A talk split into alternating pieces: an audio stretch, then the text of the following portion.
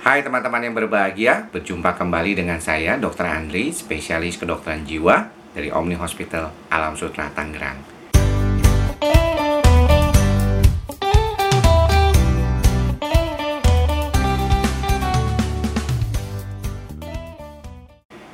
Di kesempatan kali ini saya ingin berbagi tentang banyaknya pertanyaan terkait dengan kapan saya mulai harus pengobatan dengan obat-obatan psikiatri, kapan saya harus menunda dulu pengobatan psikiatri ketika saya menghadapi masalah kecemasan.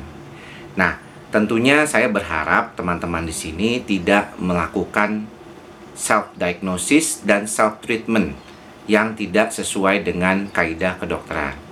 Mengapa demikian? Karena pada dasarnya walaupun dengan teknologi informasi yang begitu luar biasa, Anda tinggal cari googling gejala-gejala penyakitnya, bahkan bisa baca jurnal kedokteran, tapi tetap pemeriksaan kesehatan jiwa dan juga diagnosisnya harus dilakukan oleh seorang yang ahli. Dalam hal ini adalah psikiater. Nah, kalau psikiater memang saya hanya akan berbicara mengenai peran dari psikiater. Psikiater adalah seorang dokter dengan latar belakang dokter, kemudian dia mengambil spesialisasi di bidang kedokteran jiwa yaitu psikiatri ya bahasanya selama 4 tahun. Jadi total untuk menjadi seorang psikiater itu dibutuhkan waktu 10 tahun. Dan ketika selesai menjadi dokter jiwa, biasanya ada beberapa yang memilih keahlian tertentu. Misalnya kebagian psikiatri anak, psikiatri lansia atau geriatri, psikiatri adiksi atau ketergantungan obat, juga ada psikiatri anak ya dan remaja. Jadi ada juga yang psikiatri dewasa bahkan beberapa memilih minat tertentu seperti psikiatri forensik ataupun psikiatri sosial. Jadi banyak sekali rupa jenisnya seorang psikiater tersebut. Tapi yang dalam artian sebagai seorang dokter jiwa, maka seorang dokter jiwa atau psikiater lah yang mempunyai hak untuk memberikan pengobatan dengan obat kepada seorang pasien yang mengalami gangguan kejiwaan. Ini yang harus dikaitkan dengan kompetensi dokter jiwa mana dia melakukan terapi secara psikoterapi dan psikofarmaka. Memang tidak semua psikiater melakukan psikoterapi dalam prakteknya. Misalnya saya, karena waktu praktek saya hanya sekitar 20 menit saja, paling lama 25 menit, maka saya tidak melakukan psikoterapi karena pasien-pasiennya sendiri memang kebanyakan adalah yang mengalami psikosomatik. Dan kalau psikosomatik biasanya edukasi yang terus-menerus terkait dengan apa yang dialami kemudian kemampuan untuk mengelola pikiran dan perasaannya mindfulness yang sering kali saya sering ucapkan di video-video YouTube saya itu bisa cukup membantu di dalam prosesnya sehingga tidak memerlukan psikoterapi jangka panjang yang harus datang setiap seminggu sekali selama 8 kali minimal di dalam sesi psikoterapi tersebut dan psikoterapi kita tahu bahwa itu membutuhkan waktu sekitar 45 menit sampai 1 jam. Nah, kalau kita berbicara tentang diagnosis, maka walaupun teman-teman saya yakin banyak yang sudah bisa diagnosis dirinya sendiri di internet, jangan lupa untuk ke psikiater untuk memastikan. Yang kedua adalah jangan terapi. Nah, orang suka tanya, sebenarnya saya perlu berobat atau tidak berobat? Yang paling penting adalah bagaimana kita bisa mengatasi masalah kita sendiri dulu pertama. Ya sering kali saya sebutkan di dalam berbagai video saya kalau misalnya teman-teman ini sudah bisa mengatasi gangguan cemasnya dia tidak terlalu mengganggu di dalam kehidupan sudah bisa dikendalikan dengan cukup baik maka mungkin Anda tidak perlu ke psikiater. Anda bisa melakukan terapi dengan relaksasi dengan terapi um, meditasi atau juga dengan kognitif sendiri dengan membaca buku-buku yang positif, berkumpul dengan orang yang positif, melakukan terapi kelompok dengan orang-orang yang positif tentu akan sangat membantu sekali. Begitu juga kalau Anda mengalami psikosomatik, cemasnya Anda bisa bantu diri Anda supaya sistem saraf pusat Anda bisa mengatasi gejala-gejala tersebut. Nah, namun sering kali saya suka bilang nih kalau di dalam beberapa kali pertemuan pertanyaan teman-teman di sini tuh banyak sekali yang sering kali saya tanya, dok saya masa selalu harus pakai obat? Kenapa kalau pakai obat itu lama juga hasilnya?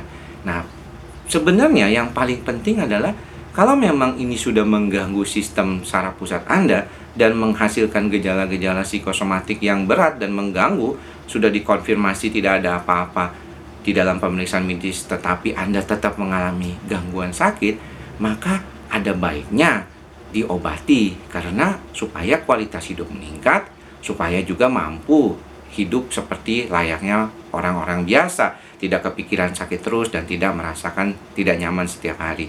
Namun, kalau misalnya Anda merasa masih bisa melakukan tanpa obat, tidak masalah. Psikiater pun tidak akan memaksakan Anda harus makan obat. Saya selalu mengatakan kepada pasien, "Oh, kalau seperti ini, Bu, kayaknya makan obat." Kebetulan memang pasien yang datang kepada saya kebanyakan memang adalah kasus-kasus yang berat di mana biasanya sudah lama, sudah berbagai macam dokter yang dia datangi, kadang-kadang juga sudah ke psikiater. Jadi biasanya sudah mengalami kondisi yang berat. Nah, lalu pertanyaan selanjutnya, berapa lama saya harus makan obat, Dok? Sebenarnya terminologi pengobatan terapi untuk psikiatri tidak tertentu dalam batasan waktu. Ada yang bisa mengatakan tiga bulan, ada yang bisa mengatakan enam bulan, 9 bulan, 12 bulan, bahkan ada yang mengatakan seumur hidup juga nggak masalah. Nah, si biasanya sih kalau di dalam praktek saya selalu menekankan pertama hilangnya gejala. Kedua, kalau misalnya di dalam tiga bulan sejak putus obat, jadi kalau misalnya saya mau pakai terapi, oke kita lihat dikasih obat dua minggu udah membaik nih, wah lumayan nih. Kemudian lanjutkan ya bu sampai dua bulan setengah sampai tiga bulan, and then dia benar-benar bagus. Bapak ibu ini yang mengalami gangguan psikosomatik, kemudian coba stop dulu dia obatnya, ya. Selama tiga bulan. Kambuh nggak nih? Wah ternyata nggak kambuh. Ah berarti anda sudah recovery atau pulih. Ya anda boleh tidak makan obat. Namun harus diingat bahwa kondisi ini bisa balik kembali. Apa baliknya kemarin ada pasien yang sudah lima tahun tidak makan obat datang kembali karena ada masalah di dalam pekerjaannya ada juga yang sudah tiga bulan tidak makan obat kemudian tiba-tiba dia merasakan nggak nyaman kembali karena ada situasi yang nggak nyaman memang kita sering kali katakan lebih dari 40% dikaitkan dengan masalah genetik. Jadi orang yang cemas itu sering kali memang lebih mudah cemas dibandingkan orang yang lain. Dan ketika cemas, kortisolnya meningkat, sistem aktivasi di amigdalanya aktif kembali, simpatis dan parasimpatisnya tidak seimbang, jadilah dia gejala psikosomatik kembali. Jadilah dia gejala cemas kembali. Jadi yang kayak gini dibetulin lagi. Jadi kayak mobil gitu ya, ada yang masalah on the dealnya, di service, dilakukan medical check up itu kan juga sebenarnya sama aja kayak mobil mobil aja kadang-kadang kita rawat berapa kilometer sekali dilihat walaupun nggak ada keluhan dirawat di bengkel. Begitu juga dokter yang biasanya mengadakan MCU ya medical check up. Ya ada yang setahun sekali ada yang enam bulan sekali kalau sudah semakin tua. Itu sebenarnya untuk menjaga. Begitu juga masalah kejiwaan. Seringkali kita harus perhatikan bahwa pengobatan psikiatri ini memang membutuhkan waktu. Dan orangnya juga harus menyadari secara penuh bahwa keadaan dirinya ini perlu di pengobatan dan perlu dilakukan pemeriksaan yang menyeluruh. Kalau memang ternyata gejalanya berulang kembali. Jadi kalau berulang ya sudah memang biasa begitu, nggak usah khawatir, nggak usah putus asa kenapa saya berulang terus. Kemudian kalau pengobatannya kelihatannya kok lama dok, kok yang teman saya cuma 2-3 bulan bisa bagus? Nah saya sudah bilang jangan suka banding-bandingin antara satu dengan yang lainnya. Karena otaknya beda walaupun sama-sama satu setengah kilogram beda. Otak saya mungkin dengan makan obat ini lebih bagus otaknya dia tidak bagus otaknya dia lagi beda lagi efeknya makanya kenapa pemilihan obat juga kadang-kadang menjadi penting pengalaman dokter memilih obat dan juga kebanyakan di kasus-kasus yang dia pernah tangani akan memberikan suatu keadaan yang berbeda. Jadi juga jangan suka banding-bandingin. Kok dokter yang lain kemarin kasih obat ini, kok dokter beda lagi dok gitu. Ya memang bisa beda karena pengalaman kita mengatakan, misalnya saya sering kali ketemu pasien seperti ini. Bukan berarti salah dikasih antidepresannya SSRI, fluoxetine. Yang satu lagi sertralin, nggak salah, tapi kan sama-sama SSRI juga.